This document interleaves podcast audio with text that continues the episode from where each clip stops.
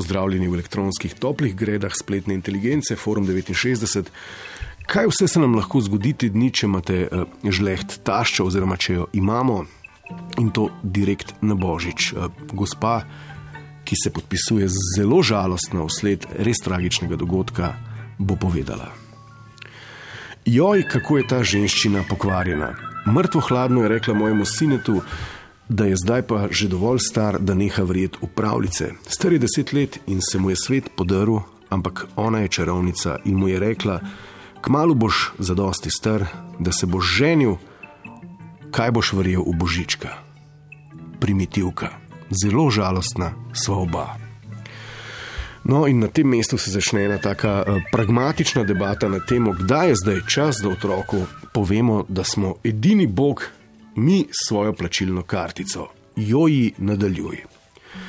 Joj, no, res ni najbolj taktična, ampak čas je pa pravi, ker deset let je že kar staro. Mi smo povedali devetletniku, ki je še sveto verjel, ker pač že v šoli izpade bedak, če je tak. Vsi vedo, on pa o božičku. Sicer pa pač poveš otroku, da si pomagač božička in je. Lažje je, če je Miklaš, ker je ta res na zemlji živel, ampak tudi za božička lahko rečeš, da pač pomagajo starši. Wow, poskrbite skratka, da vaš v šoli ne bo izpadel bebec in mu povejte, da je uh, bil vsa leta naiven ali pa bedak ali kako. Pa, uh, všeč mi je ta teološka razlaga o obstoju svetega Miklauža. No, sledi še en hiperrealist, ki trdi, da je treba otroka čim prej soočiti z realnostjo neobstoja, saj samo tako lahko zraste v zrelo osebnost, ki ima samo 20 sledilcev oziroma frendov na Facebooku. Tale je izjemno močna, primite se. Tašča ima 100 odstotno prav. Kdaj bi mu pa ti povedala, otroka je treba vzgajati v realnem svetu? Našemu sem povedal pri petih letih, poleg tega mu tudi nisem bral neumnih pravljic oziroma lahko rečemo grozljivk za otroke, kot so volk in sedem kozličkov, rdeča kapica in podobne neumnosti. Sedaj pri 19. hodi v službo, mogoče je le eno uro na dan pred računalnikom, hodi na sprehode, je delovan tudi pri domačih opravilih, ne snema selfijev, Facebook prijateljev pa ima le malo čez 20, pozna realno realno življenje in ne pravljico. Mogoče je narobe vzgojen, ampak za moje kriterije odlično. Wow.